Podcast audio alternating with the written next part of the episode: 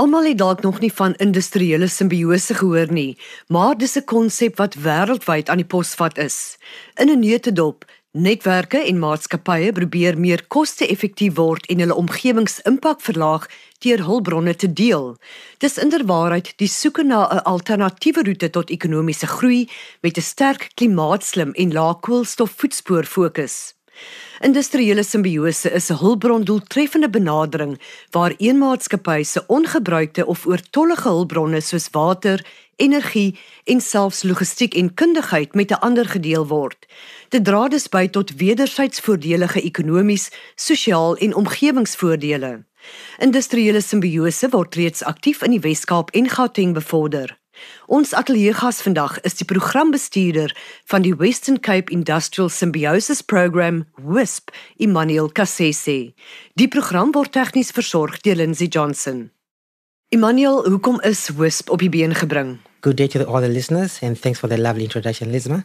Uh, in short, WISP was established to boost the economy, create jobs, and to try and prolong the life of our landfills.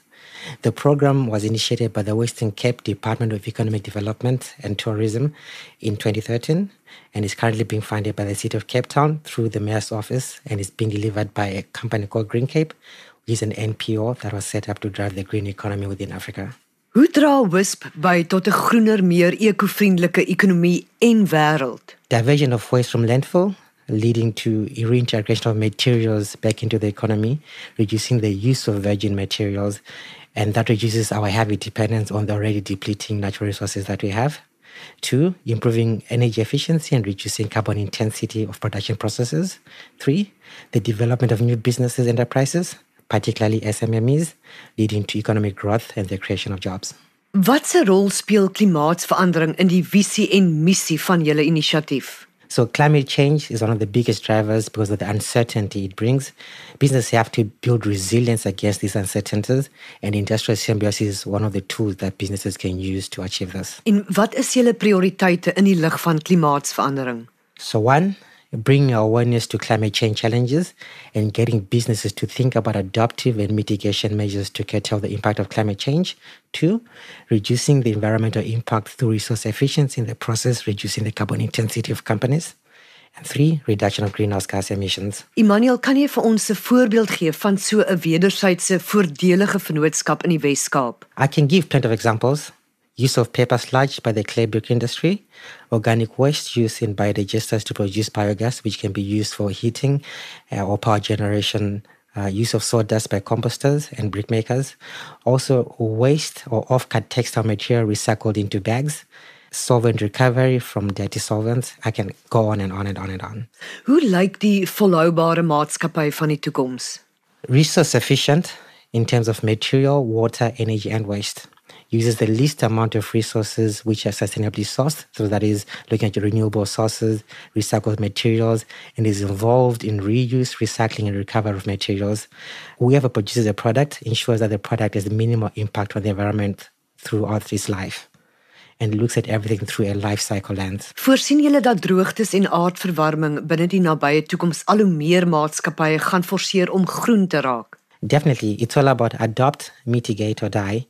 SA signatory to the Kyoto Protocol and more recently the Paris Agreement. And by design, government would try to put in place measures to encourage companies to be more greener.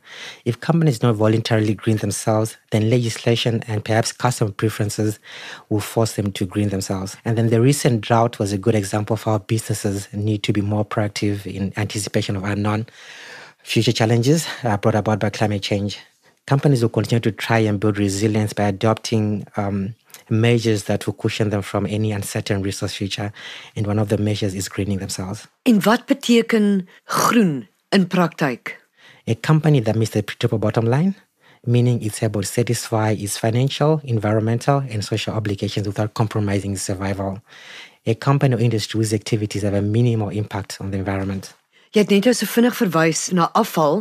Julle behaal reeds groot welslae met onder meer afvalvermindering en soos ons weet, is afval een van die groot sonnebokke wanneer dit by kweekhuisgasvrystellings kom. Hoe word dit gedoen? Okay, it's simple. One company's waste is another company's resource. WISP is able to match the waste generated by one company to another company that can use the waste as a resource. By doing this, waste is diverted from going to landfill, and through value add activities like recycling, reuse, and recovery, generation of greenhouse gases is prevented. Or reduced. Emmanuel, wie kwalifiseer om 'n lid van WISP te word? Enige soort maatskappy, klein of groot? So we mostly target manufacturing companies, but any business that has any underutilized resources, be it an SME or a large business, qualifies to become part of the WISP network. We're always trying to grow and diversify our network because the bigger the network is and the greater the uh, the diversity, the greater the chances of making resources between companies. Emmanuel, het julle heelwat kliënte in die landbousektor? We primarily work in the secondary and tertiary stage of the agricultural sector. A lot of focus is on agro-processing sector. En wat is daardie sektor se grootste behoeftes? So mostly it's rising costs due to increasing energy and water and implement costs. Dra industriële simbiose by tot werkskepping. Yes, the program has created 33 permanent jobs and more than 160 economy-wide jobs. All the additional value-add activities lead to job creation. New growth sectors like the recycling industries will employ a lot of people in the future. Dis 'n gratis diens. Hoe kan mense betrokke raak ook by julle Gautengse ewig? So if you have any problem waste streams or resources that are sitting please reach out to us no matter where you are. There are similar programs in Gauteng and KZN and we can connect you to them as well. Dit was die programbestuurder van WISP, Western Cape Industrial Symbiosis Program, Emmanuel Kassesi.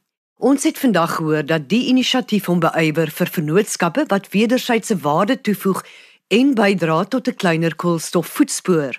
Saam kan maatskappye en industrieë die dikwels nadelige uitwerking van hulle bedrywighede op die omgewing verminder deur energie en ander hulpbronne te deel en saam meer waterslim en winsgewend te word. Iemand het eendag gesê, niemand kan 'n simfonie fluit nie, dit verg 'n hele orkes. Die program word ondersteun deur die Wes-Kaapse Departement van Landbou. Ons groet tot volgende week. Onthou, die aarde is kosbaar, kom ons bewaar dit.